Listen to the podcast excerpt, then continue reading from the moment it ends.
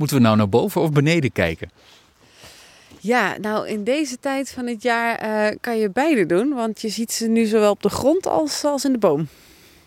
Dus er zit blijkbaar verschil mm, qua seizoen. Dus eh, in de zomer of zo zit hij op een ander plekje. Nou, hij is nu vooral druk met zijn eh, wintervoorraad aanleggen. En dat doet hij door eikeltjes en allerlei andere eten in de grond te stoppen. Dus nu rent hij rond, verzamelt zijn, uh, zijn voorraad en zoekt een geschikte plek. Graaft een kuiltje en stopt ze daar vakkundig in. Dus uh, soms zie je ze heel druk op de grond springen en graven en drukken en doen. En daar zijn ze heel zoet mee. Dus dan, uh, dan kan je ze zomaar op de grond zien zitten. Ik krijg een idee waar we het over hebben. Wat heb jij met het beestje? Nou, uh, op, op dit moment, uh, het is altijd een leuk dier om te zien, maar op dit moment vanuit mijn werkplek heb ik een mooi zicht op een notenboom. En daar zit hij dagelijks, is hij daar druk. Dus ik heb een soort van live uh, verbinding, live beeld van de eekhoorn aan het werk. Dus ah, het is een eekhoorn? Ja, ja, ja. Het is toch wel een heel bekend en iconisch beestje, maar hij blijft leuk. Ja. En hoe vaak kom jij hem dan tegen als je aan het werk bent? Nou, als ik dus nu. Uh... Ja, op je kantoor, oké. Okay, maar als je zo door het bos loopt, uh, zie, zie je hem dan vaak? Want aan de ene kant denk ik, ja, ze zijn er best veel, maar ik zie ze eigenlijk bijna nooit. Um, meestal zie je zo'n glimp dat je in één keer zo'n staart door het bos ziet, uh, dat er zo'n boomtop heen ziet springen. Of in één keer dat je denkt van, hé, hey, zag ik dat nou? En dan zie je, als je goed naar boven kijkt, maar ze zijn wel een beetje slim, want ze draaien zich vaak van je af. Dus ze, ze, als ze je aanzien komen, draaien ze naar de kant van de stam, waar jij ze niet ziet. Dus ze zitten er vaak veel meer dan wij doorhebben.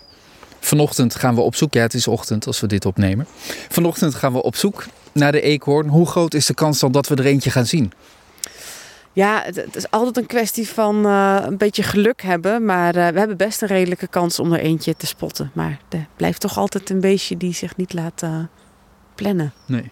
Je hebt er in ieder geval ook stiekem eentje, eentje meegenomen, hè, zodat we hem van dichtbij kunnen bekijken. Zit op een boomstronkje een opgezet exemplaar. En als ik die dan zie, denk ik, ze zijn in ieder geval niet heel erg groot. Nee, het, het klopt. Uh, en uh, het zijn niet hele grote diertjes, maar ja, het is wel echt zo'n typisch uh, mooi beestje. Zo'n zo'n eekhoorn vind ik. Met, en van dichtbij kun je ook goed zien dat ze echt wel een beetje van die klauwachtige pootjes hebben. En die mooie pluimpjes op de oren. En die, grote kraaloogjes, die, die kijken je mooi aan. Ja, rood met een witte borst. Ja, ja, mooi zo roodbruin. En dit is een zomervachtje, dan zijn ze wat roder. Maar in de winter krijgt ze natuurlijk een dikkere vacht. En dan worden ze iets grijzer ook wel. Je kan het een beetje bij dit exemplaar dan uh, op zijn rug zien. Dat er ook een beetje een grijze gloed doorheen gaat. Maar ja, dit is echt een mooie rode eekhoorn. We gaan op zoek. Zullen we dat maar gaan doen? Kijken of we ook een echt exemplaar kunnen tegenkomen. Kijk jij naar beneden of naar boven? Dan, dan verdelen we de taken een beetje. Nou, ik, uh, ik zal uh, vooral om me heen op de grond kijken op de grond achter je. Dan komt er een met blonde haren op een fietsje. Kijk ik naar boven of we ze gaan zien. Maar ja, het zal nog niet meevallen, denk ik. Dus we moeten eigenlijk ook achter de stammen kijken, hè? Ja, aan twee kanten tegelijk. Een beetje röntgenogen. Ik ga mijn best doen.